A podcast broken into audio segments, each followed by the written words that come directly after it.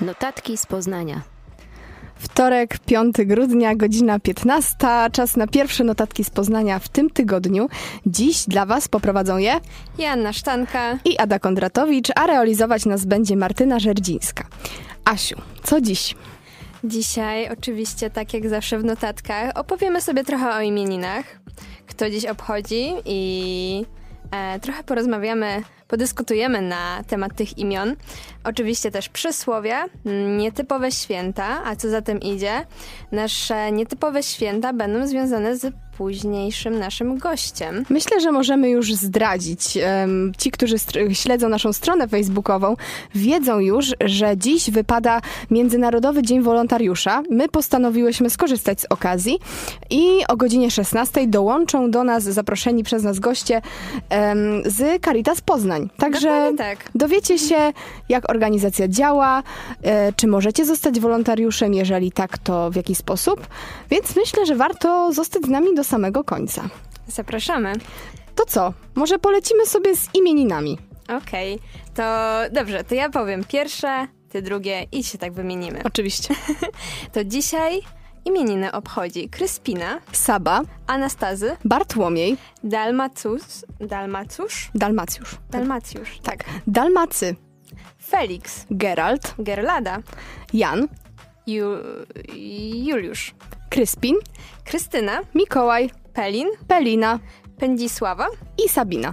Wszystkim e, solenizantom życzymy wszystkiego dobrego.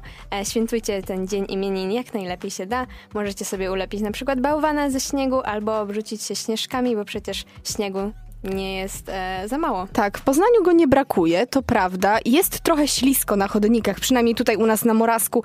No, jest takie mm, trochę dreszczyk, że gdzieś tam się nastąpi, to można się em, obalić na ziemię. E, I co, w sumie Asia, które imię ci się najbardziej podoba z tych wszystkich? Saba jest bardzo nietypowe. Nigdy chyba się nie spotkałam z osobą, która by miała tak na imię. A twoje mm, ulubione? Mi się w ogóle spodobało bardzo słowo, e, słowo, przepraszam, imię Pelin. Bardzo takie interesujące i zastanawiam się, co oznacza. Właśnie taka anegdotka w Newsroomie. Zaczęliśmy dyskutować na temat tego imienia i wyszło, że to jest połączenie dwóch naszych e, radiowych kolegów. Tak, e, Ku- Kuby Ferlina i Kacpra, Kacpra Pelo. Pelin. No, Idealne. idealnie. Także jeżeli chłopaki nas w- słuchają, to mamy dla was pomysł na witanie się w waszej audycji, czego słuchali twoi starzy. Bo oni mają, przecież chłopaki mają audycję razem. Więc myślę, że mogliby się tak przywitać. Jeżeli to zrobią, super. Ikoniczne, super. Ikoniczne, ale no. A teraz sobie wygooglowałam na szybko, że imię Pelin e, pochodzi z języka łacińskiego i e, utworzony został z greckiego przymiotnika pelinos, który oznacza ciemny. Mm, oni na pewno nie są ciemni, to są... Kuba ma Nie. ciemne włosy. Ale to są takie jasne gwiazdy. Są, to prawda. No to co? Myślę, że polecimy sobie może jeszcze z przysłowiem dzisiaj, teraz, na tym wejściu? Dobrze, dobrze. To ja przeczytam. Mhm. Piąty, dzień, e, piąty grudzień stycznia czyni znaki, szósty grudzień luty przepowiada, siódmy grudnia, grudzień o marcu gada. Hmm. dużo miesięcy. Dużo miesięcy, czyli możemy wyczytać przyszłość z tego jednego zdania? Trochę? Czyli co, dzisiaj jest jak, Asia? Jest zimno, Czyni to znaki. ale czyli... jest bardzo ładne niebo. Stycznia czyni znaki, czyli może w styczniu trochę nam śniegu zostanie i może nie będzie mokro, bo ja w ogóle dzisiaj też rozmawiałam e, sobie o tym z, naszą, z jedną z naszych radiowych e, koleżanek, że e, nie lubimy jak w zimę jest mokro. A teraz jest sucho. Jest zima, ale jest sucho. dokładnie. Ten śnieg jest taki puszysty, jest taki, nie jest taki twardy i zbity, jest taki fajny. Jest taka filmowa zima, Tak. gdzie nie ma tej chlabry, Tak. wszystko się nie roztapia. Więc miejmy nadzieję, że taki właśnie będzie styczeń.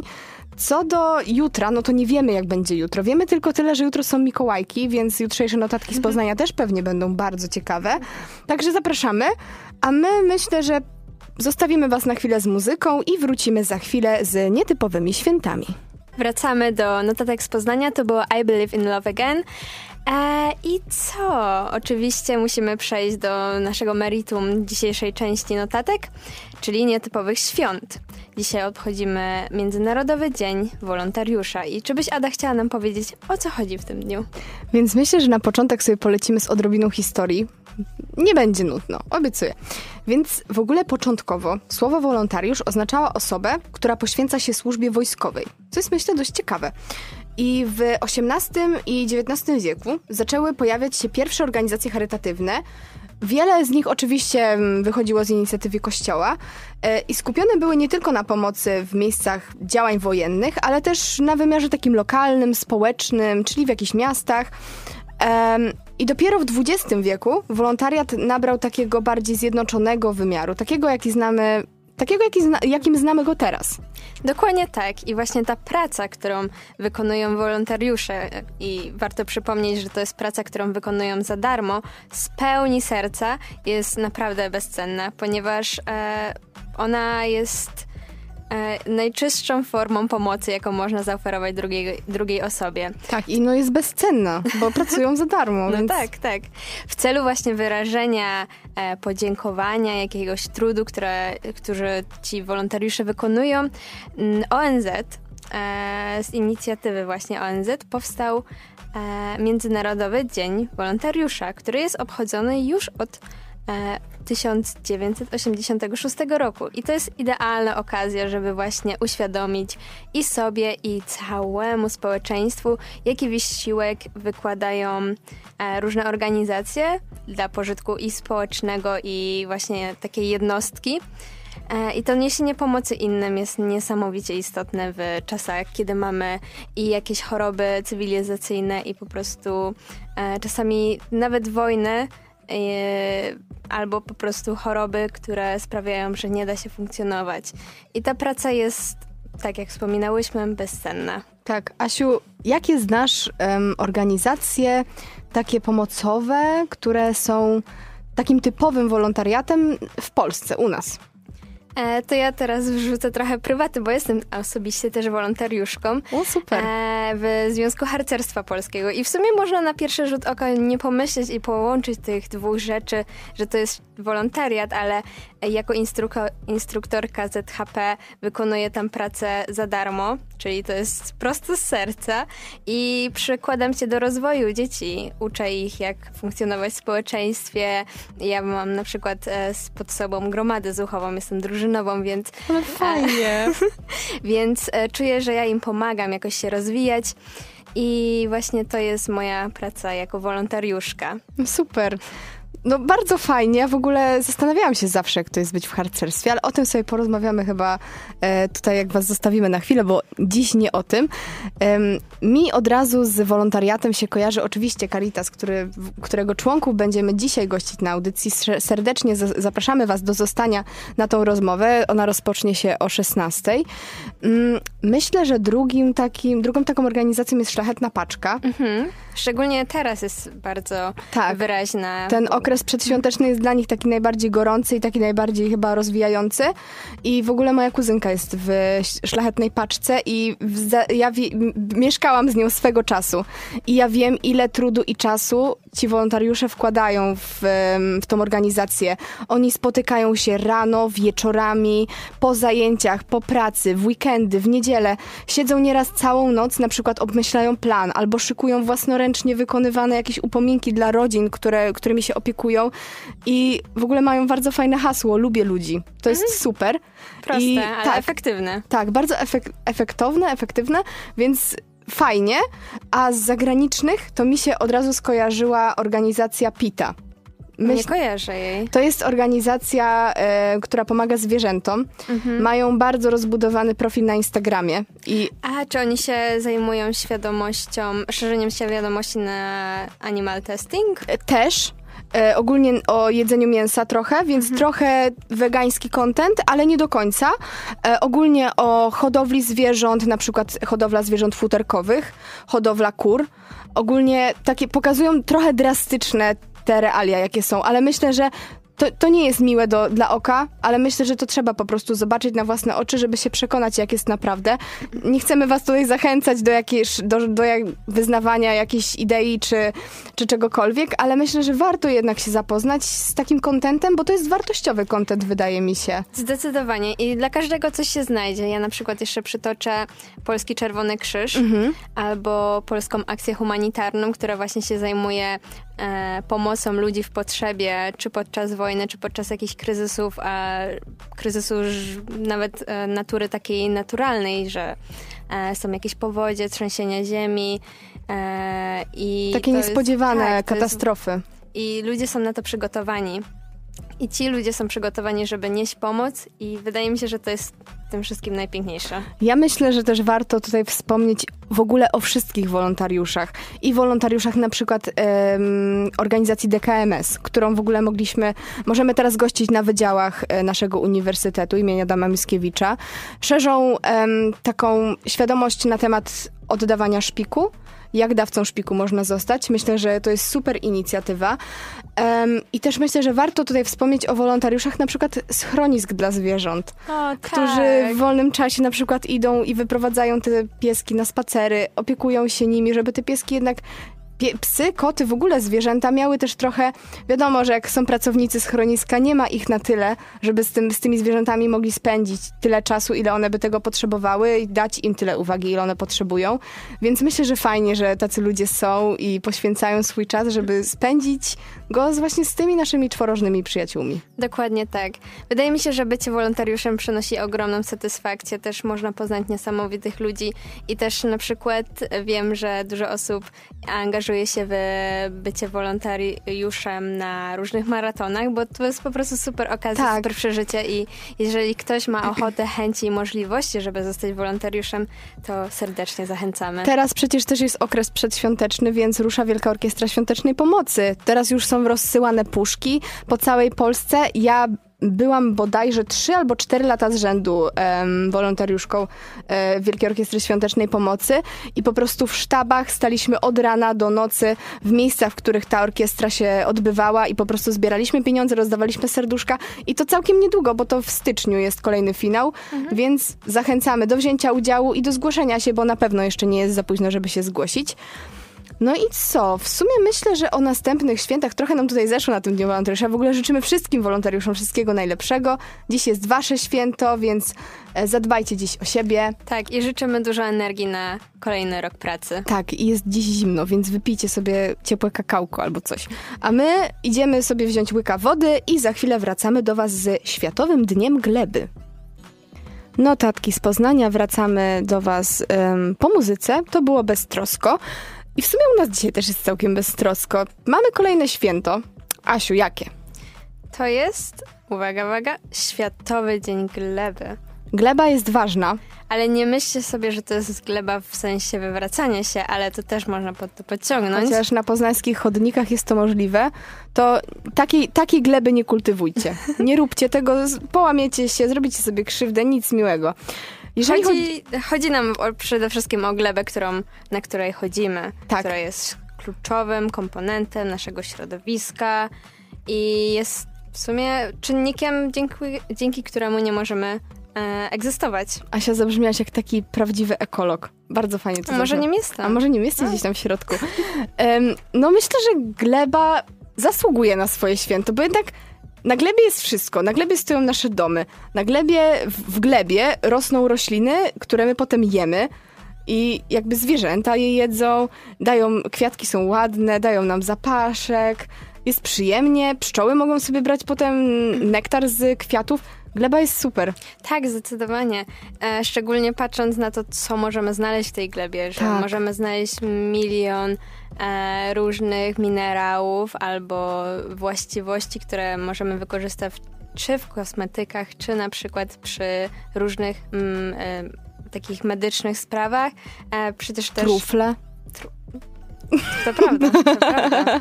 Ale weszłaś na temat, który jest dla mnie bardzo drażliwy, bo jestem ogromną fanką trufli. Okej. Okay. E, I okay. takich, takich dziwnych grzybów i Słuchaj, Nie pytajcie o jakie grzyby chodzi. Asia, mamy nadzieję, że to są borowiki, tak, no grzyby shiitake, ale nie jakieś takie zakazane grzyby. Chodzi o to, że trufle są niesamowite pod A drożdże względem... lubisz? Drożdże to też grzyby. No to tak...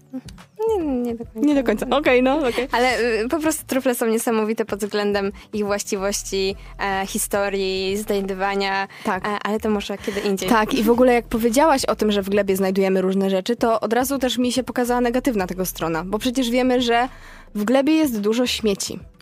Tak, I to jest- niesamowicie zatruwamy tą glebę. Tak, zwłaszcza na przykład skojarzyło mi się to z... em, Często jakieś festiwale muzyczne latem, na przykład, na przykład opener powiedzmy, Mhm. jest organizowany przecież na ogromnej przestrzeni i potem w tej ziemi są te, nie dość, że są na przykład pieniądze, są zgubione rzeczy, są śmieci, tony plastiku, tak samo przecież na plażach, wszędzie.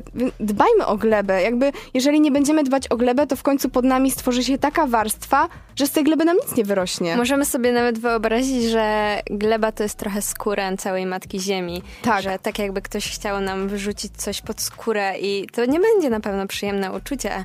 Szczególnie, że jest nas prawie, jest nas 8 miliardów, no to każdy zostawia po sobie jakiś ślad węglowy i nawet śmieci. E, nawet jeśli staramy się nie śmiecić, to i tak zostawiamy po sobie jakiś ślad. Niestety Dzień Ziemi jest dopiero w kwietniu, więc myślę, że większość osób do jakiegoś takiego mm, może plenerowego sprzątania się obudzi dopiero wtedy, ale jeżeli nas teraz słuchacie i jeżeli to, co mówimy, wydaje wam się mądre, to nie wyrzucajcie tego papierka po lizaku na ziemię, proszę. Dokładnie tak. A skąd w ogóle powstał ten dzień, e, Światowy Dzień Gleby?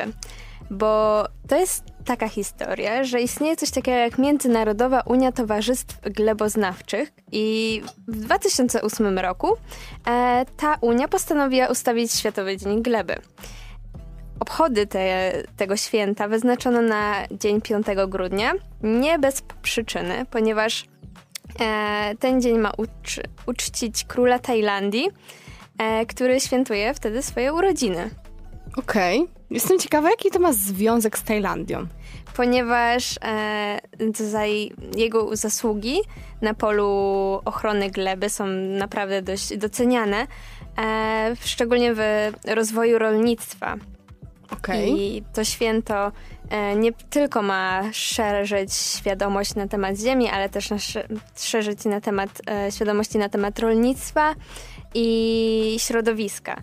Więc e, po prostu bądźmy świadomi. Czyli dobrze, że w sumie zaczęłyśmy tak mówić o tym środowisku. Tak, to zawsze się... Zawsze w sumie to jest dobrze. Ziemia zawsze się łączy z ekologią. Dokładnie. Też nam trochę długo zeszło na tej ziemi dzisiaj, na tej glebie, więc myślę, że musimy znowu was na chwilę zostawić. My znowu sobie weźmiemy małego łyczka i myślę, że następne dwa święta, które są naprawdę ciekawe, w ogóle sam fakt, że one istnieją, I są bardzo od siebie różne. bardzo różne, spróbujemy je jakoś fajnie połączyć w następnym wejściu. Wracamy za chwilę. Mam nadzieję, że czas dobrze wam spędził, e, że dobrze spędziliście czas przy Don't Stop Me Now. Wiadomo kogo? Queen.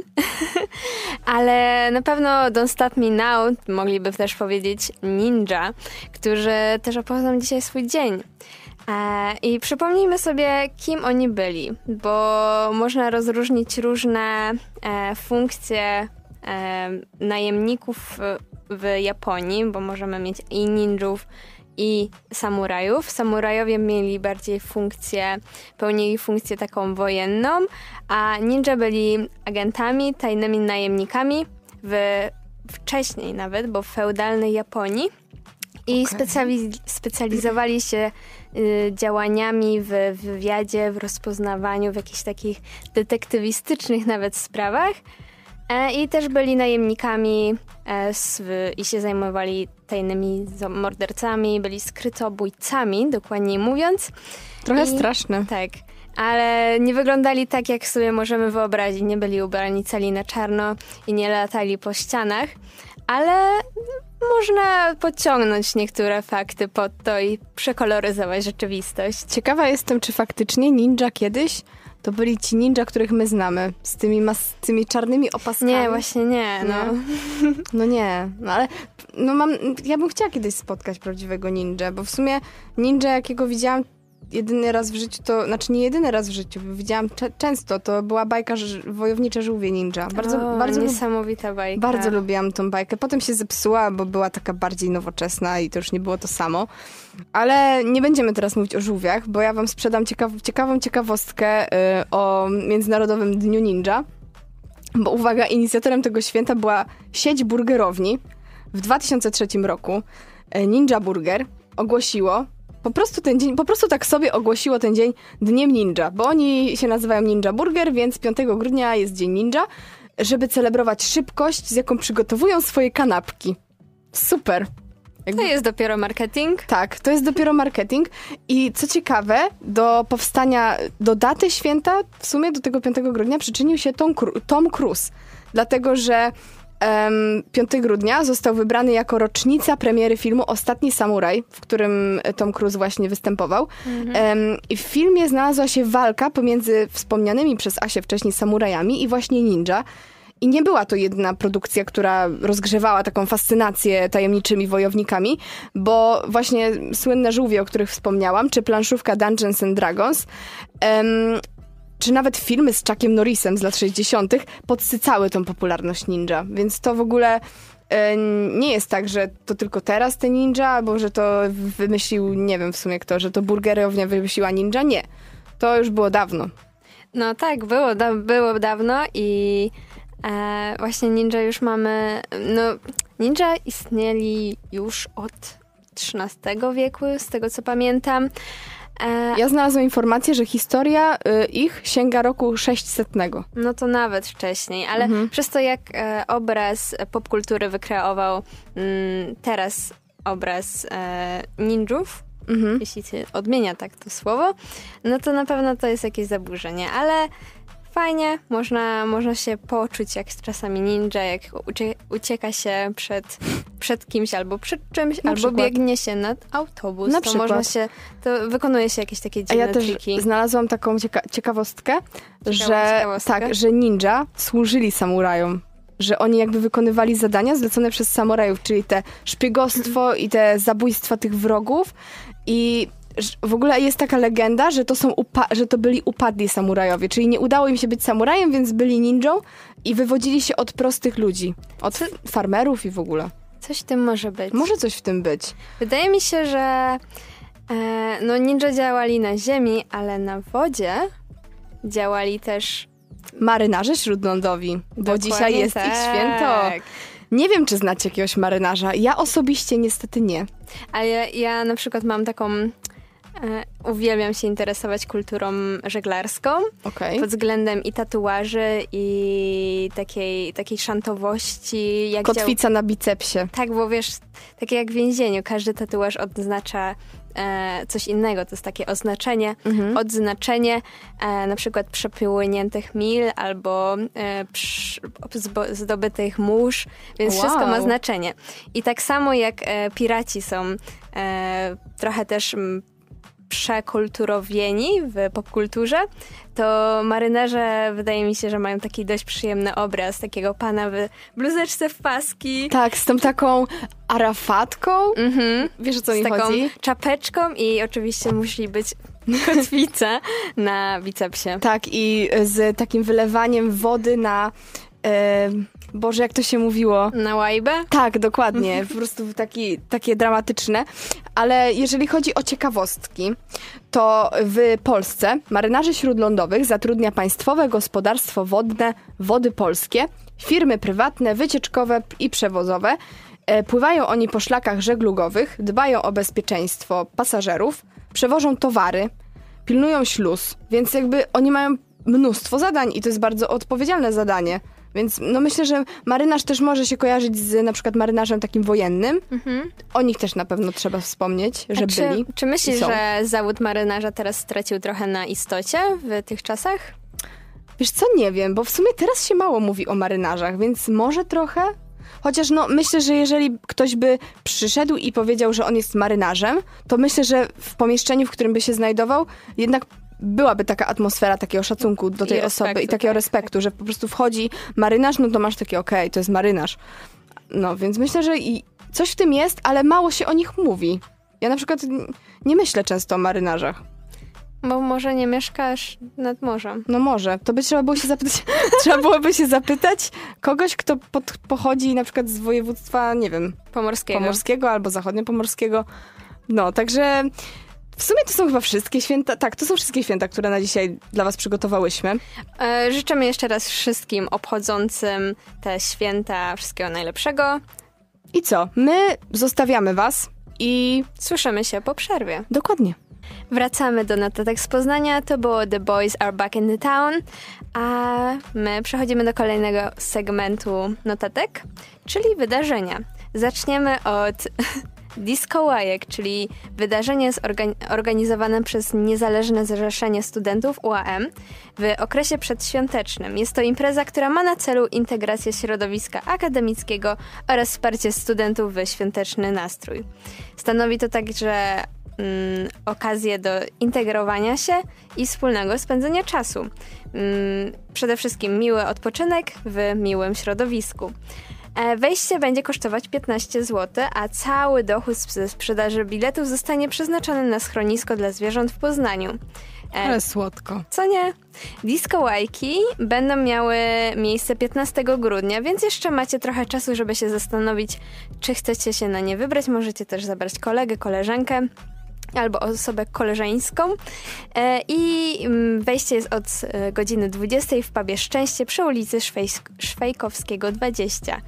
E, Szewskiej. Szewski, ojeju, Szewskiej. pokręciłam. By, byś ich wysłała, poz, wy, wysłałabyś naszych słuchaczy pod adres, Asia. Wiesz ty co? Tak, od Szewca. Dobrze, Od Sze- tak. Szewska 20. A ja bym w, w poszła na takie disco łajki. Możemy pójść razem. Możemy pójść. Przy, przydałoby się pójść gdzieś tak. No, nieważne. Dobra, lecimy dalej. Znowu kolejne, kolejne wydarzenie też jest związane z zimą, ponieważ już w ten piątek, 8 grudnia, startuje weekendowy Poznań Ice Festival. W tym roku lodowe rzeźby zaprezentuje aż 24 uczestników z 9 krajów, w tym z Francji, z Japonii, z Finlandii, ze Stanów Zjednoczonych. No, jest tego mnóstwo. Każdego dnia rozgrywać będą się różne rywalizacje i konkursy. I na przykład w piątek odbędzie się konkurs małej rzeźby utworzonej w tematyce kosmos, czyli może będą planety, może będą galaktyki, może będą satelity. Albo statki kosmiczne. Albo statki kosmiczne, a może kosmici. Nie wiemy tego, ale chętnie bym się dowiedziała w sumie, co tam panowie albo panie wymącą z lodu. Ciekawe. wymąc. Lubię to słowo. Ale nie, nie uważasz, że to jest niesamowita sztuka, żeby rzeźbić w lodzie? No, w sensie, wiesz co? W ogóle sam fakt, że jakby moim zdaniem lód jest tak kruchy, jak, jak w ogóle on musi być, musi być mega zimno oczywiście, żeby on się nie topił i... No bo jak jest ciepło, no to ten lód się chyba wtedy łamie i kruszy. Tak mi się wydaje. Chociaż no jak się mocniej tam przyciśnie, wystarczy, wydaje mi się, znaczy nie wiem czy tak jest, ale wyobrażam to sobie tak, że wystarczy jeden jakiś zły ruch i po prostu... Wydaje mi się, że to zależy od materiału, to znaczy od wody, która zależnie od tego, jak bardzo jest zmrożona, bo im, e, bardziej jest zmrożona, im ten, e, ta temperatura osiąga niższe stopnie, tym chyba wydaje mi się, że ten lód jest stabilniejszy Możliwe. i lepszy do rzeźbienia. Możliwe. Ale wiadomo, ta temperatura nie może być chyba też za niska, żeby dało się to w ogóle cokolwiek No tak. tam ugrać. No i w ogóle y, te rzeźby są zawsze takie przeźroczyste, takie błyszczące, takie piękne. No i wydaje mi się, że to jest zasługa często wody Mhm. I w ogóle ciekawostka teraz. Trochę, Ciekawa trochę, ciekawostka? ciekawa ciekawostka, trochę odbiegamy od wydarzenia, ale jeżeli będzie wam kiedyś gorąco i będziecie sobie chcieli zrobić em, kostki lodu w domu, to zróbcie je sobie z wody filtrowanej lub przygotowanej. Bo jeżeli robicie je z takiej, z takiej wody kranowej, to one nie będą idealnie przezroczyste i błyszczące. A jak je zrobicie z wody przygotowanej lub filtrowanej w dzbanku, będą piękne. Cytując klasyka, robi wrażenie. Robi wrażenie. W sobotę, wracając do naszego Ice Festival, e, między godziną 12 a 18 rzeźbiarze postarają się jak najwierniej odtworzyć wzór konkursowy, który będzie im podany. Jest to jeszcze tajemnica, a w niedzielę czeka na nich najtrudniejsze wyzwanie, bo uczestnicy będą podzieleni na grupy i otrzymają kilkanaście ton lodu i 7 godzin czasu na stworzenie rzeźby na dowolny temat. Więc nie dość, że będą musieli się dogadać między sobą, co robią, no to niby to jest 7 godzin, ale jeżeli oni dostaną ogromny blok lodu, to weź coś sobie zrób w te 7 godzin i żeby to było ładne i żeby to było oryginalne. Także myślę, że to jest ciekawe, także zapraszamy. Wstęp na wydarzenie jest bezpłatny. i odbywa się na Międzynarodowych Targach Poznańskich. Także A właśnie chciałam cię zapytać, gdzie będzie miało miejsce to wydarzenie, bo zawsze pamiętam, że było na Starym Rynku, ale nasz piękny rynek jest rozkopany. No dokładnie. Więc, Coś tam już się hmm. dzieje, ale do rynku jeszcze wrócimy w ogóle w wydarzeniach. Myślę, że zdążymy. Na ten moment, na chwilkę chyba was jeszcze zostawimy z muzyką. Notatki z Poznania, wracamy do was z wydarzeniami. To były szanty, e, z, które za, możemy powiedzieć, zaakompaniowała nam nasza realizatorka Martyna. No bo dziś jest e, Dzień Marynarza, więc Czułyśmy, że to jest idealny klimat. Dokładnie. A wracając do naszych wydarzeń, no to myślę, że warto tutaj wspomnieć o Starym Rynku, dlatego że w sobotę po raz pierwszy nowe lampy pojawiły się właśnie na Starym Rynku i rozświetliły drogę pieszym. I z tego co wiemy, świateł będzie więcej. Wokół płyty przewidziany jest rząd latarni w chodnikach na każdej pierzei. Obecnie na południowej i zachodniej stronie rynku działa w sumie 15 lamp. Świecą w godzinach od 16 do 7 rano, czyli w sumie wtedy, kiedy jest ciemno. Na e, pierzejach północnej i wschodniej postawione zostały słupy kolejnych latarni e, i później będą na nich montowane oprawy oświetleniowe. Czyli w sumie nasz stary rynek się rozjaśnia i myślę, że nabiera w końcu kształtu. Właśnie chciałam to powiedzieć. Nie wiem, czy ktoś miał ostatnio z słu- słuchaczy możliwość pospacerowania sobie po rynku, ale ta nowa kostka wreszcie sprawia, że nie trzeba, e, nie, nie zapada się pod ziemię. Tak, nie, nie, nie zapadamy się pod ziemię, ale w ogóle mm, stary rynek miał być już gotowy na koniec listopada. Cały i oddany, po Aj. prostu skończony. A tam jest jeszcze sporo pracy. Ja miałam e, tą przyjemność być w zeszłym tygodniu na starym rynku wieczorem. Jeszcze padał śnieg, więc było bardzo klimatycznie. E, I właśnie dziwne to było uczucie stąpać po tej kostce, kiedy jeszcze niedawno stąpaliśmy po tym błocie i między tymi fajnymi płotami z rusztowań, więc myślę, że fajnie, no ale jeszcze chyba sobie poczekamy. Ja myślę, że do wiosny to może jeszcze chyba potrwać. No, rozkopane będzie rozkopanym i z tym już musimy się pogodzić. Przede wszystkim też patrząc na to, że znowu nam zamknęli odcinek centrum. E, więc powodzenia życzę wszystkim dojeżdżającym. Jak nie jedno, to drugie. Pozdrawiamy mieszkańców e, Alei Marcinkowskiego na przykład. E, No i co? Chyba polecimy sobie z ostatnim wydarzeniem, dlatego że powoli kończy się nasza pierwsza część i będziemy, i będziemy musiały iść po naszych gości specjalnych na godzinę 16. Także Asia, co wydarzyło się na dworcu? Dzisiaj mieliśmy dość e, ciekawy dzień pod względem czerwonych pojazdów, które jeździły po całym Poznaniu, ponieważ mieliśmy e, zgłoszenie w Awenidzie e, o pożarze, który tak naprawdę był fałszywy. I niestety doszło do ewakuacji, duże zamieszanie i z tego co słyszałam, też na naszym fertlu poznańskim, e, studenckim, też doszło do podobnego wydarzenia, ponieważ e, było fałszywe zgłoszenie w naszym akademiku, Meteorze. Dokładnie. Ja dzisiaj właśnie rano też miałam tą przyjemność być, być tutaj u nas w redakcji wracając przed godziną 11 nagle trzy straże pożarne podjechały pod akademik i okazało się, że był to fałszywy alarm, więc niemiło. Myślę, że szkoda zabierać pracę panom strażakom, e, ale co ciekawe, w ogóle kilka dni temu przecież już w Awenidzie wybuchł pożar i on wtedy faktycznie wybuchł. Co prawda to było tylko kilka sztuk ubrań, które zapaliły się na jednym, w jednym z magazynów sklepowych e, odzieżowych. No ale dzisiaj w ogóle ewakuowano nawet część dworcową, nie tylko część galerii handlowej, ale część dworcową, więc zastanawiam się, czy przypadkiem nie wiązało się to z opóźnieniem pociągów. Na pewno się Pewnie wiązało. tak i pewnie, chociaż może to sprzyjało osobom, które by się spóźniły na pociąg, może zdążyły, ale mam nadzieję, że nie czekaliście za długo na odjazd. Musi być balans w wszechświecie. Tak, i w naturze. No cóż, myślę, że teraz e, zostawimy Was na troszkę dłuższą chwilę. My pójdziemy po naszych gości e, z Caritas Poznań i wracamy do Was, myślę, że kilka minut po 16 i rozpoczniemy rozmowę, także Do usłyszenia. do usłyszenia.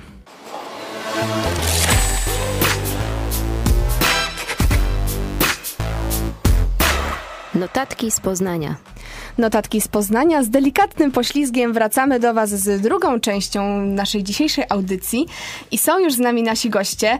E, rzeczniczka prasowa Caritas Poznań Maria Książkiewicz oraz pan Wojciech Michalski, wolontariusz. Dzień dobry. Dzień dobry. Proszę powiedzieć trochę o działalności Caritasu, Caritasu w Poznaniu. Jak długo Państwo działacie? Poznań, w- Caritas w Poznaniu działa już od ponad 30 lat. To, czym my się zajmujemy i co robimy, to jest taka działalność bardzo szeroka.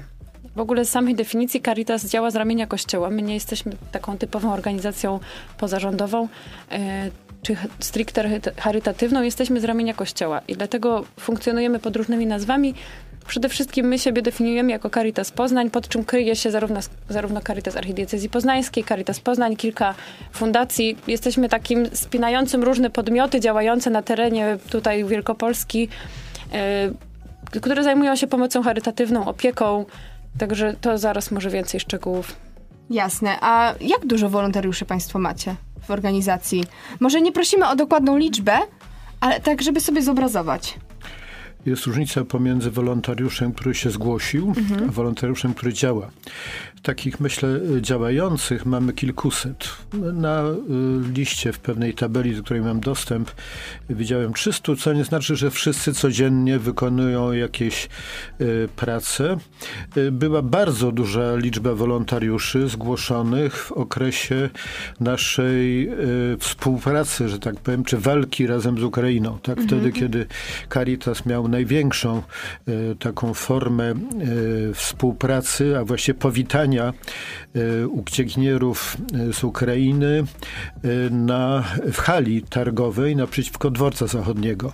Wtedy wiem, że nawet około tysiąca zgłoszeń było, ale oczywiście były to zgłoszenia takie, że tak powiem, wiedzione sercem. Tak? Mhm. Nie, nie zawsze z tego wynikała potem jakaś pomoc, albo też inaczej. Nie zawsze o tej pomocy wiedzieliśmy, bo jeśli ktoś przyjął Ukraińca choćby na tydzień do domu, jeśli ktoś przekazał parę i tak dalej, i tak dalej, no to w zasadzie wykonał też jakąś pracę wolontaryjną. Tak w zasadzie w naszych bazach jest kilkuset e, wolontariuszy działających.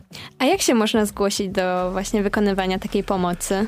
Jest w tej chwili centrum wolontariatu, ponieważ to się tak y, potężnie rozrosło y, strukturalnie, trzeba było oddzielić y, dyrekcję wolontariatu, która mieści się w takim budynku przy kościele na rynku wildeckim, tak? Rynek od Wildecki samego, 4A, zapraszamy.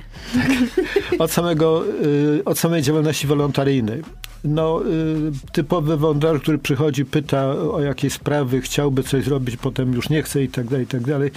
Y, no, nie, nie może zakłócać pracy księgowej i innych pracowników Caritasu, których jest przecież sporo, bo to jest struktura potężna. W związku z tym wyodrębniono y, Centrum Wolontariatu, które mieści się niedaleko na ulicy Przemysłowej 47 bodajże, ale ten numer jest niedookreślony. Bardzo łatwo trafić, mhm. ponieważ jest wielki taki napis na, na witrynie.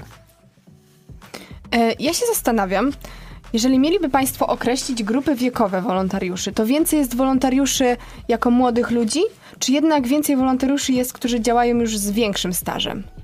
Myślę, że musielibyśmy sobie wytłumaczyć, jak działa w ogóle, w ogóle wolontariat w Caritas. Dlatego, że my mamy takie trzy gałęzie główne i jedna z nich to są parafialne zespoły Caritas. I myślę, że możemy sobie wyobrazić, że w nich Młodzieży jest mniej, raczej są tam panie, które na co dzień, zazwyczaj panie, nie mówię, że tylko, ale tak to wygląda w, w rzeczywistości. Są tam osoby, które po prostu zgłaszają się z takiej dobrowolnej chęci, czy do księdza proboszcza i razem z nim zakładają takie koło parafialne Caritas, parafialny zespół Caritas. I to się dzieje w całej archidiecezji. I myślę, że to są takie... Y, takie grupy troszkę starsze, ale to są takie panie, które kojarzymy właśnie z takich akcji cyklicznych odbywających się w parafiach.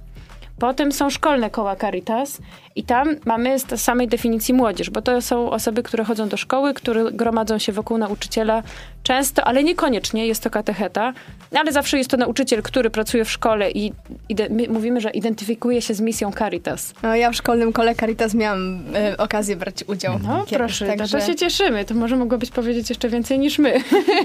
A na czym właśnie polega ta misja Caritas, tak dla słuchaczy?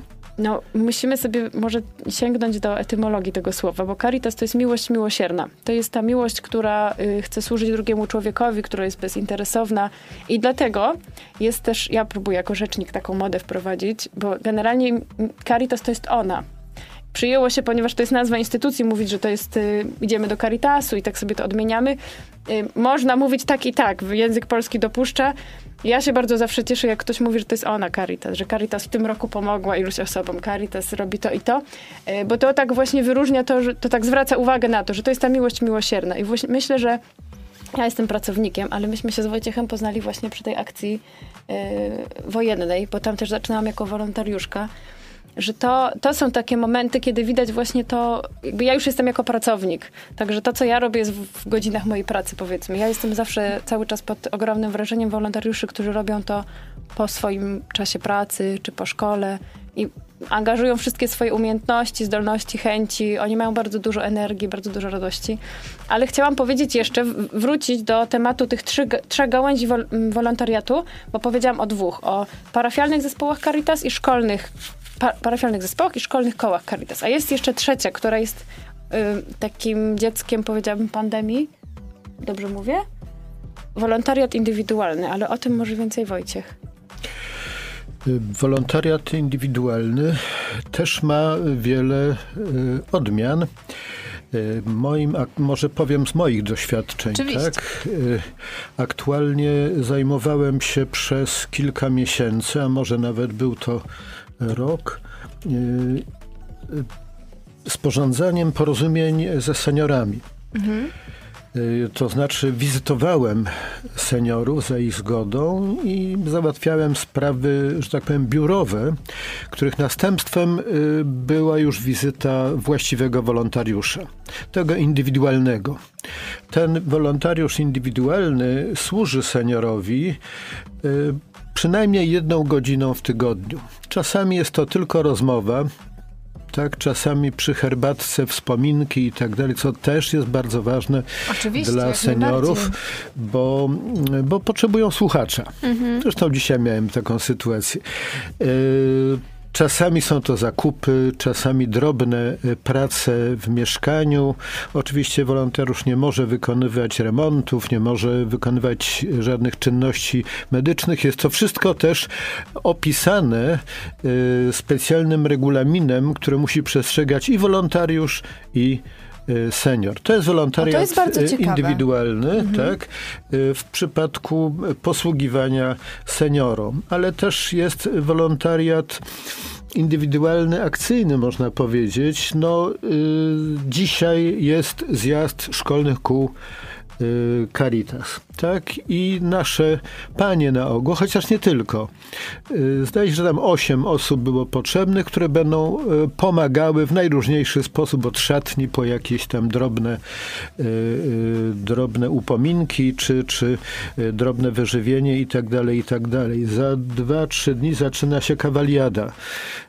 Caritas często dołącza do cudzych imprez, do innych. Mhm. Za zgodą organizatorów Caritas będzie tam w jakiś sposób promował swoją działalność i znowu indywidualni wolontariusze będą rozprowadzali ulotki, będą służyli jakąś radą, będą też odpowiadali na pytania, jak zostać wolontariuszem. Na przykład na często. imieninach ulicy Święty Marcin państwo byli przecież. A właśnie.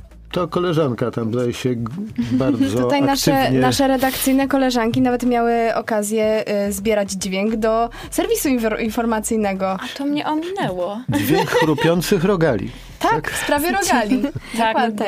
Czyli z tego co rozumiem, ta miłość miłosierna przybiera różne formy i e, jest dostępna dla każdego, ale e, jak można o tą pomoc się ubiegać? Rozumiem, że można też pójść do, do najbliższej parafii i powiedzieć e, tam swój problem, czy, ale czy też są inne formy? Myślę, że to zależy bardzo od tego, z czym się zgłaszamy tak? Bo tak jak myślę, że myśmy troszkę napomknęli, co to jest Caritas, czym się zajmuje. My mamy taki szereg działań, żeby je opowiedzieć, to naprawdę mam wrażenie czasami, że potrzeba godzin, a w tym czasie niektóre już się zdążą skończyć, a kolejne zacząć, więc yy, yy, poza tym, że właśnie działamy jako, że mamy wolontariat, który jest zaangażowany w projekty, bo to są projekty realizowane we współpracy albo z miastem, albo z Urzędem Wojewódzkim, albo z też innymi instytucjami, I my realizujemy, a czasami nasze autorskie, czasami z Caritas Polska. Czyli to jest taka bardzo różnorodna, bogata działalność, którą, e, w którą w zależności od tego, co akurat robimy, różne osoby mogą się zgłaszać. Są na przykład programy żywieniowe, czyli zgłaszają się osoby, które mają problem taki, że nie starcza im na jedzenie. I wtedy się do nas zgłaszają, my im przekazujemy, jak co, jakie dokumenty, bo wszystko się odbywa przez dokumenty, ze względu Mhm. na to, że to jest pomoc rzeczowa, że to są darowizny, że też Musi być to dokumentowane. musi być to dokumentowane, co my robimy, bo moglibyśmy przecież sobie sami wydawać, nie? Mhm. Więc jakby, żeby to, żeby było wiadomo, co się dzieje, z jaką ilością żywności, bo to potem są tony, jak się podsumowuje takie projekty, to się okazuje, że to są całe tony żywności po prostu. Yy, Kto z tego korzysta? Dlaczego, w jakiej sytuacji jest ta osoba? A może potrzebuje innej pomocy? A może korzysta jeszcze 10 albo 50 innych miejscach i tak naprawdę gdzieś tam ta pomoc jest nadużywana. Więc e, żeby zgłosić się po pomoc, najlepiej sobie wejść na przykład na stronę Caritas i zobaczyć, co tam jest potrzebne. Jeżeli ktoś potrzebuje czegoś, co może mu zaoferować parafia, idzie do parafialnego zespołu Caritas i panią, no tak mówię o tych paniach, dlatego, że ja się spotykałam głównie z paniami, ale te, ci wolontariusze z parafialnego koła powiedzą, jeżeli ktoś potrzebuje, my też organizujemy na przykład indywidualne zbiórki, czyli zgłasza się do nas powiedzmy rodzina. Był taki przypadek parę lat temu, że nie byli w stanie pokryć kosztów remontu łazienki, a ta łazienka była już w takim stanie, że to szkodziło im zdrowiu. No więc w tej, w tej sytuacji my dla nich na ich indywidualny cel zbieraliśmy pieniądze i to działo się przez nas. Zgłaszają się do nas siostry zakonne, my wsp- współprowadzimy z nimi jadłodajnie, wspieramy to. Także tak administracyjnie różne rzeczy prowadzimy też. Nie mamy Dom Dziecka w Lesznie, mamy świetlice socjoterapeutyczne, czyli tutaj mówiliśmy o seniorach. Tak naprawdę od początku gdzieś tam rozwoju dziecka, aż do tego etapu, kiedy człowiek już czasami nie może się przemieszczać, yy, tych pro- programów jest naprawdę dużo. No jasne. Myślę, że o w ogóle formach pomocy, które Państwo oferują, porozmawiamy sobie po króciutkiej przerwie. To było Another Love Toma Odela, a my wracamy do rozmowy z panią Marią i z panem Wojciechem i rozmawiamy o, o formach pomocy. Wiadomo, pomoc ma ogromne oblicze i można pomagać na różne sposoby. I jaką formą możemy się zająć w Caritasie?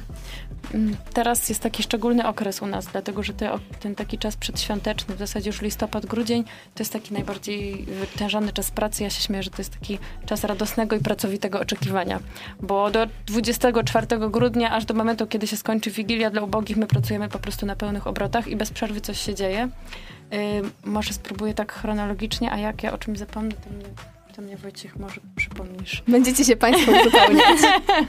W każdym razie, może powiem od razu, że dzisiaj świętujemy ten Międzynarodowy Dzień Wolontariatu i to są, są akcje, które wymagają tego udziału wolontariuszy. Są takie, które są prowadzone bardziej z ramienia centrali i wymagają wsparcia wolontariuszy. Są takie, które robimy z ludźmi z zewnątrz, powiedziałabym. Teraz y, jest taka akcja, która dzieje się na bieżąco, to jest tytka charytatywna. Nie wiem, czy znacie tytkę charytatywną? To jest Brzmi robiło. poznańsko. tak, to jest nasza i bardzo w ogóle jesteśmy z niej dumni, bo to jest taka po, poznańska inicjatywa, która rozrosła się na 13 diecezji w Polsce i w tym roku trafiła też na Litwę. Także udało nam się zapoczątkować coś takiego. Ja, Międzynarodowo się robi. tak. Okej. I rozumiem, że tytka polega na tym, żeby pozbierać e, jedzenie dla Tak. potrzebujących. To, jest, to działa w ten sposób, że my wydajemy takie tytki, czy właśnie przez szkoły, czy przez parafię, czy przez firmy, czy ostatnio na przykład zgłosił się do nas, mogę mówić nazwy? Czy nie bardzo? Myślę, że tak. Zgłosił się do nas Dom Medialny Świętego Wojciecha. Y, Zgłosiło się do nas TVP3 Poznań i oni też te tytki y, mają u siebie i je dysponują. Jeżeli ktoś ma ochotę się włączyć w to, to, e, to, to sobie taką tytkę odbiera, kupuje produkty długoterminowej ważności, długoterminowe i oddaje je w tym miejscu, z którego je zabrał. E, I one, w, i w ogóle ja jestem, akurat tę akcję lubię wybitnie, dlatego że ona jest nie tylko po to, żebyśmy my to dostawali z powrotem, ale to działa w ten sposób, że parafie oddają nam co dziesiątą, czyli taki 10% z tego, co się dzieje w parafii wraca do nas, a te pozostałych 9 jest dysponowane w parafii. Czyli my tak naprawdę dajemy takie narzędzie, którym troszeczkę uczymy, ja nazywam to taką pedagogiką pomagania, czyli dajemy narzędzie, którym chcemy uczyć, co można robić, jak dalej pomagać. Narzędzie do pomocy. Narzędzie do tak naprawdę. pomocy, dokładnie. I ta tytka w ogóle y, jest, ona jest do 10 kg można do niej włożyć. Mm. Y, Jest taka papierowa, na niej jest zawsze, y, na niej jest zawsze wypisane hasło Światowego Dnia Ubogich, bo tym dniem ona się zaczyna. W tym roku to, to zawsze przypada na dwie niedziele przed początkiem Adwentu. W tym roku to był 19 listopada. Tym hasłem jest w tym roku nie odwracaj twarzy od żadnego biedaka. I ona ma nawet swoje logo, także ona się już dorobiła. Ma swoją stronę in- internetową tytkacharytatywna.pl, gdzie Fajnie. można napełnić ją zdalnie, jak O, ktoś super. ma takie możliwości. E, Także ja o tym lubię I opowiadać. do bo kiedy akcja trwa? W zasadzie do połowy grudnia, no tak, im później do nas przyjadą, tym więcej mamy pracy, bo Mhm. ten ostatni tydzień przed Wigilią jest trudny, więc wolimy, żeby tak do połowy grudnia, a jak komuś się nie uda, to gdzieś tam. Czyli jeszcze nie jest za późno. Nie, nie, nie. Zachęcamy. Zachęcamy bardzo. Można zgłaszać się do nas, y, można zgłaszać się do nas do, na rynek wildecki. Y, My chętnie taką tytkę wydamy, czy w większej ilości. Nie pomyślałam, żeby wam przywieźć. Ja mam bli- blisko, więc może się wybiorę. Zapraszam. Więc można w ten sposób się włączyć. Jeżeli ktoś chciałby pomóc też tak rzeczowo, ale na przykład nie ma siły, żeby właśnie w ten sposób, nie wiem, nie ma siły tego unieść, czy wie, że nie będzie miał okazji, to teraz od 8 do 9 grudnia, czyli w najbliższy piątek, sobotę, będzie akcja Tak Pomagam. I to jest akcja, gdzie wolontariusze stoją w sklepach. No i tutaj znowu hołd dla wolontariuszy, dlatego że to są ich takie godziny stania czasami w chłodzie, bo te, te wyjścia do sklepu wcale nie są takie przyjemne. E, Czasami nasłuchania się różnych też komentarzy niekoniecznie przyjemnych. I oni stoją i tak grzecznie czekają przy tych, e, przy tych koszach, a ludzie w zależności od hojności. Czasami to jest jedna rzecz, która jest dla kogoś ogromnym darem, czasami to są jakieś duże zakupy. I te wszystkie takie produkty żywnościowe, one zapełniają, właśnie tak jak mówiłam, one trafiają albo już w parafii, w szkole do tego, kto potrzebuje, albo trafiają do naszego magazynu i potem są wydawane czy w trakt do przygotowań wigilii, e, do paczek, czy potem do programów żywnościowych, które my prowadzimy w zasadzie przez cały rok. Także to są takie dwie bieżące akcje. Co jeszcze? O matko. E, mówię z pamięci. To ja może dopytam Tak. o tą akcję w sklepach. E, pewnie to wymaga jakiejś organizacji jakby ze sklepem. To Tak. wymaga jakiegoś pozwolenia? Jak to wygląda? Tak. To jest akcja wymaga ogólnopolska. uzgodnienia z kierownictwem e, marketu. To są najczęściej markety, nie sklepy. Mhm, tak? Oczywiście. Czyli e, Lidl, Biedronki Mhm. e, i tak dalej, i tak dalej. Także to jest uzgodnione. I się, że- wolontariusze stoją tam kilka godzin. Zdaje się, że są zmiany po dwie Tak, godziny. im tak? młodsi, tym częstsze zmiany, a czasami... Są to najczęściej e, uczniowie szkół, e, ze szkolnych kół Caritas. Mhm. A Tak? zdarza się, że y, sklepy odmawiają? Nie wiem tego, ale ponieważ nie, wszyscy, nie we wszystkich to jest, to można się domyślać, że tylko y, pewne sieci się godzą. Tak? Mhm. Około 50 zdecydowanie. sklepów jest w naszej archidiecezji w tym roku zaangażowanych w tę akcję. Też często wolontariuszy spotyka się przed sklepami. Czy wolontariusze Caritas też y, stoją pod sklepami, a nie tylko w środku?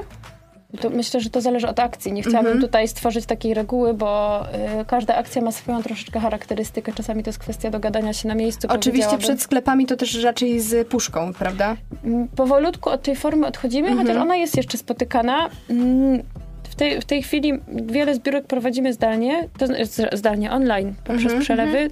E, Parafie nadal w ten sposób funkcjonują.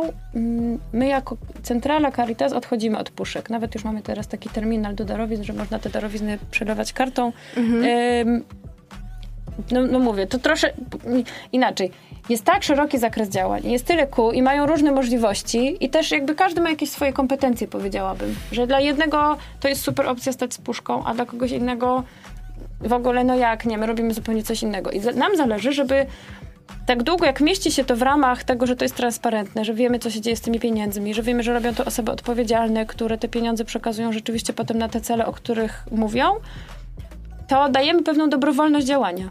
Czyli jest właśnie tak, jak ty wspominałaś też, nie? Że jest jakaś pani katechetka, jest, ma młodzież i oni może czasem mają jakiś swój pomysł oddolny, nie? I oni to realizują tak, jak tam mogą. To też nie jest tak, że my narzucamy za dużo. My mamy jakieś programy, które realizujemy cyklicznie, a tak jak oni na przykład mają jakieś swoje pomysły, myślę, że to też wiecie, w wolontariacie indywidualnym, to, to możesz ty coś więcej powiedzieć, że to też nie jest tak, że, że my jako centrala wszystko wiemy, nie? Że jakby czasami gdzieś tam właśnie fajnie jest, jak jadę na jakieś spotkanie i słyszę o takich pomysłach, które jakaś jedna szkoła robi i komuś się to spodoba i oni też by tak chcieli. I to tak potem się zaraża, nie? I Czyli tak, to trochę tak e, roznosi się pocztą pantoflową, ale te pomysły są e, szeroko wykorzystywane. no trochę tak jak z tą tytką, nie? Że gdzieś tam to, jaki mieliśmy tu pomysł w Poznaniu, on się bardzo rozrósł, bo jest takim właśnie dobrym narzędziem. Myślę, że w wolontariacie indywidualnym też jest podobnie, że że są takie spontaniczne pomysły, że są spotkania, że na przykład potem są szkolenia dla wolontariuszy i to takie całkiem, nie? Takie całkiem profesjonalne szkolenia. Tak, y, wolontariat y, w tym centrum na ulicy Przemysłowej jest poddany y, często szkoleniom. Te szkolenie, szkolenia i spotkania generalnie mają integrować wolontariuszy, bo to jest istotne, bo tak na co dzień właściwie wolontariusze się nie znają. Tak? Każdy idzie w, swój, w swoje miejsce i, e, i, i nie wie o tym, że, mm, że, że istnieją inni. Także integracja i szkolenia. Nawet szkolenia e, z udziałem psychologa, które mają uzbroić wolontariusza w pewną wiedzę, wiedzę i umiejętności y, w zderzeniu z seniorem, tak? Żeby nie nastąpiło na przykład y, zbyt szybkie wypalenie wolontariusza, tak? Żeby nie wykonywał wszystkiego, co jest życzeniem seniora Oczywiście. i tak dalej, i tak dalej. A czy to... taka konsultacja psychologiczna też pomaga troszkę mm, wzbudować wokół siebie taką tarczę na te negatywne komentarze, które padają względem wolontariuszy? Bo tutaj pani o tym wspomniała. Tak, ale też nie przesadzajmy z tymi komentarzami mhm. negatywnymi. Ja osobiście Yy, raczej się nie. Czyli nie rzadko spotkałem. się zdarzają. No, moja żona z przekąsem czasami coś mówi o mojej działalności, ale to jest w ramach, ale że tak powiem. tylko dlatego, że jesteś tak bardzo zaangażowany. Czyli po prostu żarty w takim węższym. Jasne. I chciałem uzupełnić jeszcze takie formy stałe, które mhm. są, bo chyba warto, żeby to na tej antenie było powiedziane. Coś wspomniałaś o dwóch domach pomocy społecznej, mhm. obsługiwanych przez wolontariuszy zwłaszcza dom pomocy społecznej, w którym mieszkają właściwie y, dzieci i, i młodzież o ciężkich y, niepełnosprawnościach na rocha. Tak? Mm -hmm. To są znakomite siostry y, zakonne, które się opiekują, ale tam pomoc wolontariuszy też jest bardzo istotna. I drugi dom y, pomocy społecznej, zapomniałem gdzie on jest, na Wildzie, y, w którym są z kolei osoby dorosłe i dwie jadłodajnie na ulicy Długiej, tak, siostry Elżbietanki Łąkowej, i na, Łąkowej. na Łąkowej. Mhm. przepraszam, tak. Pamiętam właśnie, że chyba na Placu Wolności był taki bar mleczny, jadłodajnia i nie wiem, czy on jest, czy jest Był aktywny? taki bardzo y, ciekawy, bardzo pożyteczny bar, który rzeczywiście y, był pod hasłem Caritas. Został przeniesiony na Plac Kolegiacki. No myślę, że nie nam oceniać tutaj i to przeniesienie i, i nowy, nową lokalizację, ale były takie czynniki tym, zewnętrzne, które troszeczkę O tym starym lokalu, że był bardzo y, potrzebny. Zresztą te naleśniki mój... za 4 zł to On był bardzo popularny też wśród tak, studentów. Tak, tak, I tak, dla, tak. Y, I dla studentów, i dla seniorów, i dla turystów i tak dalej, i tak dalej. Tak, Ten bar tak ma naprawdę... swoje zasługi tak. przy opanowywaniu epidemii. To była moja inicjacja wolontaryjna, jeżeli tak można powiedzieć. Rozpocząłem od obiadów. Woziliśmy wtedy obiady osobom, które były uwięzione w domach, seniorom, często niepełnosprawnym i tak dalej. I e, był taki czas, być może pół roku, że te obiady przygotowywał właśnie e, Bar z Placu Wolności i woził na Ostrów Tumski. No to super, bardzo fajna inicjatywa. Właśnie mi się tak przypomniało o tym barze i te naleśniki. Tak, no bo jednak za kilka złotych tak naprawdę osoba, która nie dysponuje dużym budżetem, może zapewnić sobie ciepły posiłek. A jednocześnie cała działalność baru była też, to jest jakby pod, wszelkie fundusze, które są uzyskane, one idą na działalność statutową Caritas. To mhm. jest jedno z takich narzędzi tego, żebyśmy mogli prowadzić tyle placówek, ile prowadzimy właśnie. Mamy, mamy i przedszkola w Poznaniu, i mamy y, ten dom dziecka w Lesznie, i mamy świetlice socjoterapeutyczne. Także to, to działa w ten sposób, y, że, żebyśmy mogli utrzymywać te miejsca na stałe, bo też prowadzimy na nie zbiórki, ale takie koszty stałe, które są związane, nie wiem, z nieruchomością, z utrzymaniem tego, z pracownikami, one są ogromne miesięcznie. Dlatego, I potrzebne. Tak, ale chciałam powiedzieć, że Bar Caritas wrócił w nowej odsłonie, bo to jest teraz taka bardziej już troszkę restauracja pod kolegiatą się nazywa, jest na placu kolegiackim. No ze względów powiedziałabym takich oczywistych, zewnętrznych ceny nieco wzrosły. Także ci, którzy kochali bar Caritas y, i pamiętają te naleśniki i największego, najtańszego schabowego w Poznaniu są nieco zawiedzeni. My mimo wszystko zachęcamy, żeby tam zaglądać. Y, studentów również, bo myślę, że ceny są przystępne. To jest też takie miejsce y, w centrum Poznania, dookoła są uczelnie, więc jak najbardziej zachęcamy pod kolegiatą i to jakby wszystkie rzeczy, które są tam kupowane, one idą na cele charytatywne, w tym sensie, że to, co na tym powiedzmy zarobimy, tak? Że tutaj mhm. nie zarabiamy tego dla siebie, na, swo- na jakby na naszą korzyść. Swego czasu w internecie bardzo popularny był bar mleczny właśnie pod znamieniem Caritas w Kielcach. O. E, bar Jagienka, bodajże. Nie chcę tutaj... E, po prostu słyszałam o tym, że na przykład zupa za złoty 80 wow. Tak, w, w, takich czasach takie ceny i one były bardzo, wtedy pewien youtuber mm, rozprzestrzenił po prostu mhm. wiadomość, że takie miejsce w ogóle istnieje i dzięki temu jakby organizacja też dostała większą uwagę, więc mhm. myślę, że to dobre są takie akcje. Um, ale troszeczkę już sobie popłynęliśmy, więc mhm. myślę, że zrobimy sobie króciutką przerwę, weźmiemy sobie chwilkę oddechu i wrócimy do was z... Chyba no, świętami. Tak, powoli. chyba zaczniemy sobie temat świąteczny. Is It Love i Loreen. Czy to miłość? Myślę, że to jest całkiem nawet trafny tytuł do naszej dzisiejszej rozmowy, bo rozmawialiśmy sobie tutaj też poza anteną trochę bardziej o wolontariuszach i tutaj pani Maria powiedziała bardzo, myślę, ważne zdanie, które powinno wybrzmieć, że wolontariat jest dla wolontariusza. I pan Wojciech się z tym zgodził i wspomnieliśmy sobie tutaj troszkę mm, o tym, że e, przy pomocy mieszkańcom Ukrainy również z tego kraju wolontariusze napłynęli.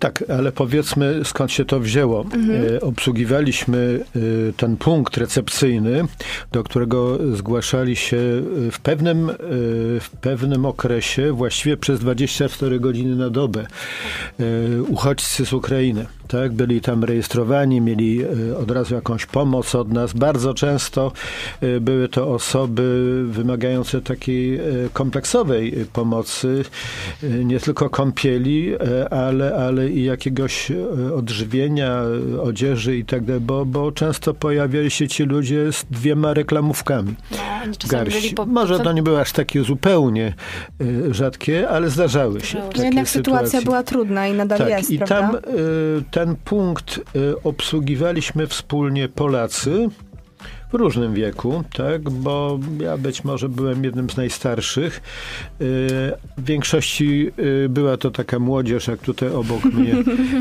siedzi, studencka i lekko poststudencka. Chyba naprzeciwko masz na myśli. Tak.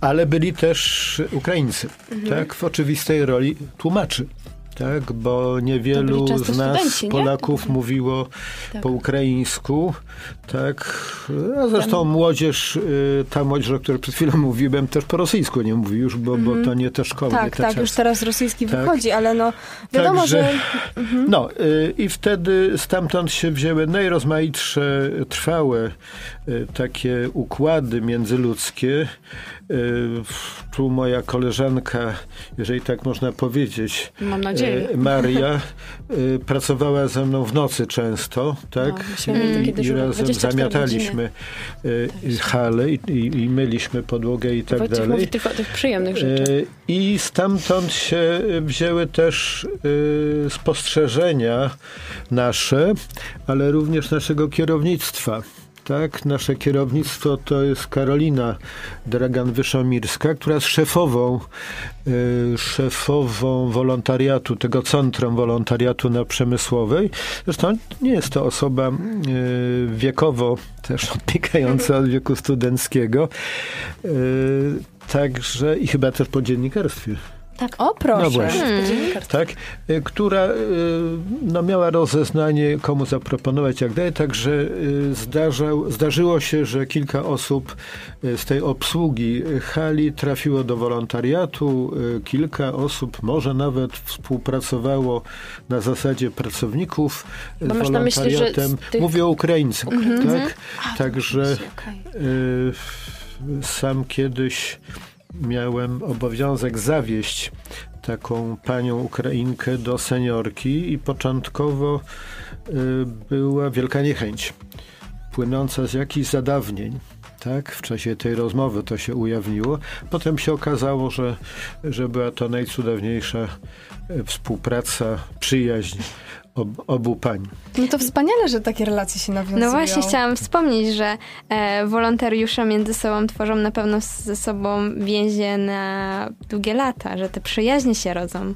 Myślę, że to jest, że wolontariat to jest takie miejsce, gdzie ludzie przychodzą, bo chcą. I to jest jego pierwszy plus, że nie przychodzi tam nikt, kto, nie wiem, jest tam zmuszony czy cokolwiek, Mhm. że to są osoby, które chcą, które mają serce.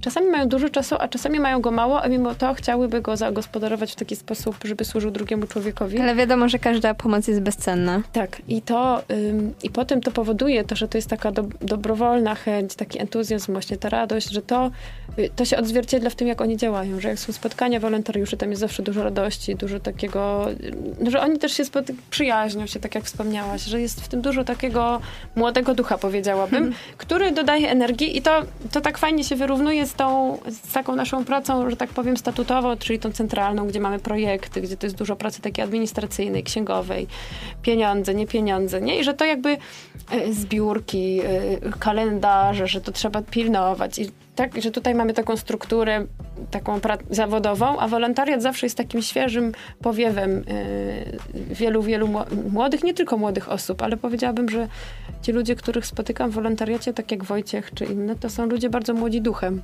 Że to nie, im się nie nudzi, że mają często więcej, dużo sił niż akurat tutaj Wojtek ze mną wygrywa we wszelkich sportowych wszelkich sportowych dziedzinach. e. Nie próbowaliśmy żadnych wyścigów. Czy... No, ja myślę, że nie trzeba było próbować, Wszystko bo jest do zorganizowania. myślę, że Wojciech było widać, jak przyjeżdżałeś rowerem do pracy, a ja tramwajem podjeżdżałam. To jest serio. Ja myślałam, że dzisiaj tu też przyjdziesz rowerem, szczerze O, w taką pogodę? Nie zaskoczyłoby mnie to troszeczkę. Ja się zastanawiam, bo oczywiście wolontariat to jest piękna sprawa i niesie to na pewno wiele satysfakcji dla, dla, na przykład dla pana, panie Wojciechu. Skoro pomaga pan, na pewno jest pan z siebie choć trochę dumny, ale zastanawiam się, Choć tyle. no bo na, oczywiście tutaj przeważa na pewno skromność człowieka, też wiadomo, ale myślę, że powinien czuć się pan dumny sam z siebie, że pomaga pan i poświęca pan na to swój czas i żyje pan tym tak naprawdę. Ale zastanawiam się, czy w działalności wolontariusza pojawiają się jakieś trudności. Jeżeli tak, to jakie? E, Może zanim do trudności przejdę, to kwestia dumy, Mhm. tak? E, Jeżeli to, e, to zadowolenie bym powiedział, bo bardzo istotne ciebie jest dumna. to, że, że wypełniam sobie na emeryturze, nie ukrywajmy, mimo że tak świetnie młodzieńczo wyglądam, Oczywiście. to już mi ósmy krzyżyk idzie właściwie. Wojciech robił więcej nocek niż ja w punkcie recepcyjnym. E. Ja wymiękałam i szłam do lekarza, a Wojtek przychodził na kolejną. Dostałam zakaz robienia nocek od lekarza, Wojciech przyjeżdżał rowerem na nas.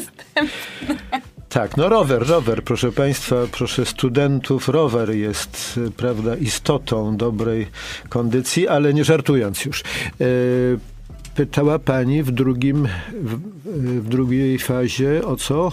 E, czy, spoty, czy sp- spotykają pana i ogólnie wolontariuszy jakieś trudności w działalności? A pewnie, że spotykają, no, no najrozmaitsze. Jak to w pracy z E, ludźmi, ale, nie? To jest ale z to są drobne rzeczy. E, To są drobne rzeczy.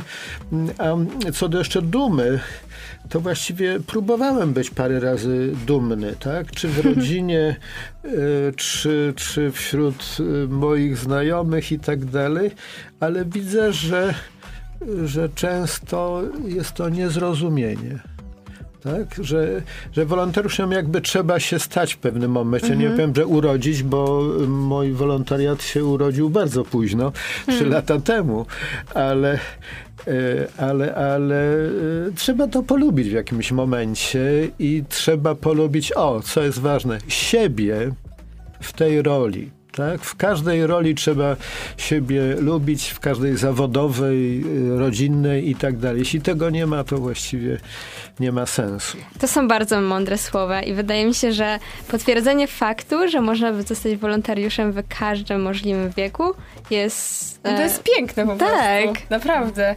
Ale właśnie teraz jesteśmy w tym takim okresie gorącym, przedświątecznym. Pewnie macie państwo dużo pracy. Tak. I e, oprócz e, w- wspomnianej już wcześniej poznańskiej tytki, jaka jest jeszcze akcja, e, która teraz może grzać poznaniaków? No ja bym, tytka jest, y, to jest to, ale to, co teraz y, nie- nieustannie media się dopominają, to jest Wigilia Caritas. To jest ogólnopolska akcja, dzieje się w wielu, wielu miastach. Y, My jesteśmy znowu dumni, mogę tak powiedzieć? Może Tak. Wojtek? Jesteśmy dumni. Jesteśmy dumni, bo nasza y, Wigilia w Poznaniu jest największą w Polsce. Wow. Wow. Także to a ile właśnie jest osób na tej w wigilii? zeszłym roku było około, myśmy za, mi- mieli przygotowane miejsca dla 1500 osób, przyszło około 1400, jeżeli ja się nie mylę.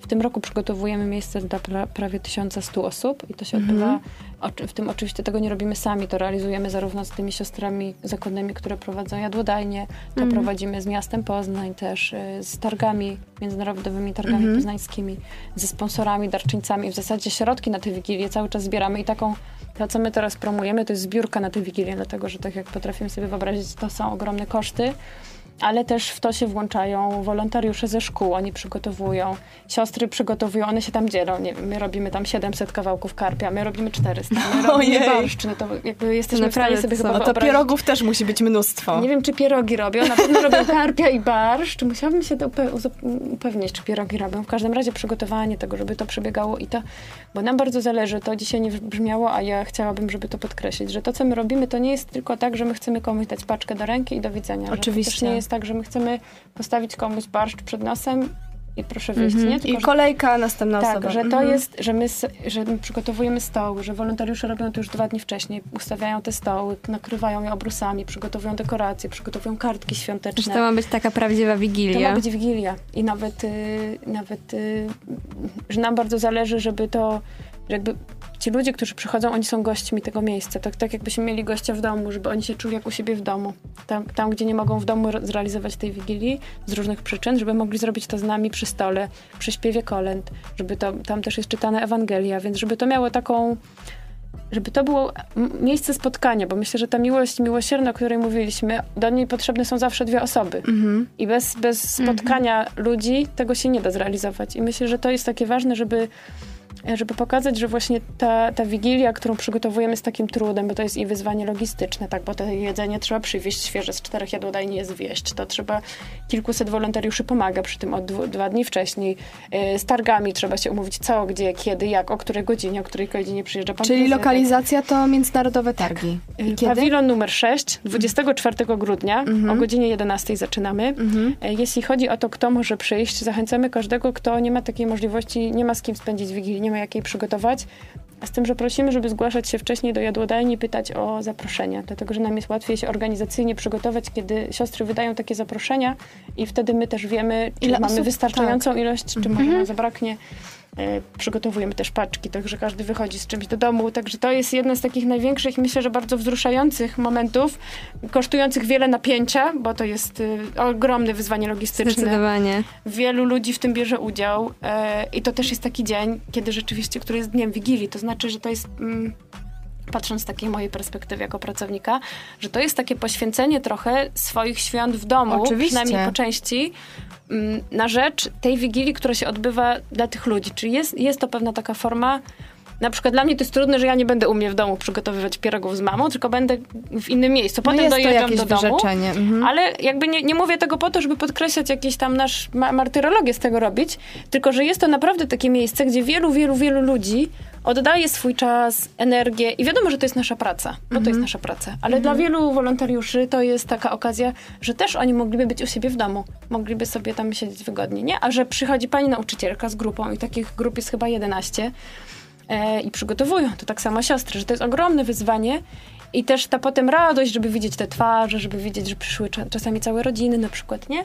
E, że przyszły osoby, które też nie miałyby gdzie usiąść przy, w swoim domu, e, że mają, mają to miejsce wigilijne i my w tym roku tę zbiórkę prowadzimy pod takim hasłem nakryj stół dla ubogiego, dlatego że mam nadzieję, że to tak wybrzmiewa, że kiedy nakrywamy to puste miejsce przy stole w dniu Wigilii, że można też je nakryć dla kogoś rzeczywiście biorąc udział w tej zbiórce, że wtedy tak realnie nakrywamy dla takiego nieznajomego gościa ten stół wigilijny i on może przyjść, zjeść tą wieczerzę wieczerzę w godzinach przedpołudniowych powiedzmy, ale jest ten moment, że to się kończy No i wtedy my jedziemy do domu, do naszych rodzin. Jasne. To jest piękna inicjatywa, ale skąd w ogóle się narodził taki pomysł? E, To jest akcja ogólnopolska, czyli Caritas y, tutaj nam proponuje pewne formy, mamy, to ona ma też swoje logo, ta Wigilia. My potem już y, mamy taką dobrowolność działania tutaj na, na swoich lokalnych polach, także to ile ona ma lat, to ja nie, nie, chyba nie umiem powiedzieć, ile ta Wigilia Caritas ma lat, ale na Nie pewno... jest to kontynuacja tej akcji pod rondem Caponiera? Nie? Mm, Wigilie w ogóle są dwie. Jeszcze Barka prowadzi Wigilię i Barka rzeczywiście robi wieczerzę wigilijną o godzinie, w takich godzinach popołudniowych. E, No myślę, że w ogóle akcji różnych jest wiele, wiele, wiele. No jasne. Jed- nasza jest jedną z... Oczywiście o naszej opowiadamy, bo nie chcielibyśmy komuś tutaj może źle czegoś powiedzieć o kimś. Zachęcamy do tej naszej... My również zachęcamy, jak najbardziej. Tak, Jeżeli tak. nasi słuchacze znacie kogoś, kto nie ma jak spędzić tego szczególnego dnia, to może weźcie tą osobę ze sobą albo po prostu powiedzcie jej, że jest taka opcja, że nie musi być sama w ten dzień. Może spędzić go z ludźmi, którzy mogą okazać się, może być jakąś grupą, do której ona akurat trafi, może nawiążą się też z tego jakieś Tak. przyjaźnie. Można Można zaproponować transport osobie samotnej, Oczywiście. częściowo niepełnosprawnej i tak dalej w tym dniu. A niestety, nasz czas antenowy dobiega już pomału końca. Rozmawialiśmy wcześniej sobie troszkę o tym, jak może studentów zachęcić. Co byście Państwo powiedzieli takim studentom? Ja w ogóle może najpierw podziękuję, bo chciałabym podziękować. Zawsze, zawsze mm, dla mnie jest ważne to, żeby wybrzmiało to słowo dziękuję, bo wolontariusze to są ci ludzie, którzy poświęcają to, co, to, to czego mają mało, czyli czas swój, e, więc dziękujemy przede wszystkim, ogromne dzięki. Em, Dlaczego studentom warto? Bo to myślę, że to po pierwsze rozwija. Po drugie, to jest okazja do spotkania z człowiekiem. Ja myślę, że my żyjemy w takiej dobie, samo, w takiej pandemii samotności i że łatwiej jest być samemu w domu przypiętym do mediów społecznościowych, niż wyrwać się gdzieś. A to jest taka świetna okazja, żeby nawiązywać kontakty, wyjść ze strefy komfortu, zrobić coś, co może jest dla nas wyzwaniem, a potem mieć z tego niezwykłą satysfakcję i radość. Zgodzisz się ze mną? Zgadzam się. Często to może być dla młodego człowieka okazja do oddania komuś, obcemu, tego, co powinien oddać swojemu nieżyjącemu już dziadkowi, babci i tak dalej, i tak dalej. Taka motywacja też bywa czasem. Miejmy nadzieję, że w tym roku Wigilia okaże się być sukcesem dla Państwa. Na pewno będzie to wzruszający moment. Niestety musimy już kończyć naszą rozmowę. Serdecznie dziękujemy, że przyszli Państwo e, do nas tutaj, do naszej redakcji. My dziękujemy za zaproszenie. Nie, ależ nie ma za co. I życzymy wszystkiego najlepszego, bo przecież dzisiaj jest Państwa święto, Międzynarodowy Dzień Wolontariusza. Dokładnie tak. Drodzy słuchacze, jeżeli znacie jakiegoś wolontariusza, to koniecznie, mu, koniecznie podziękujcie mu. Pogratulujcie. I pogratulujcie mu jego działalności, bo jest to, to naprawdę coś wielkiego. Za mikrofonami były Ja, Anna Sztanka. i Ada Kondratowicz, realizowała nas Martyna Żerdzińska, a w studiu byli z nami pani Maria K- Książkiewicz oraz pan Wojciech Michalski z Caritas Poznań. Serdecznie dziękujemy, Dziękujemy. i do usłyszenia już jutro w kolejnych notatkach z Poznania.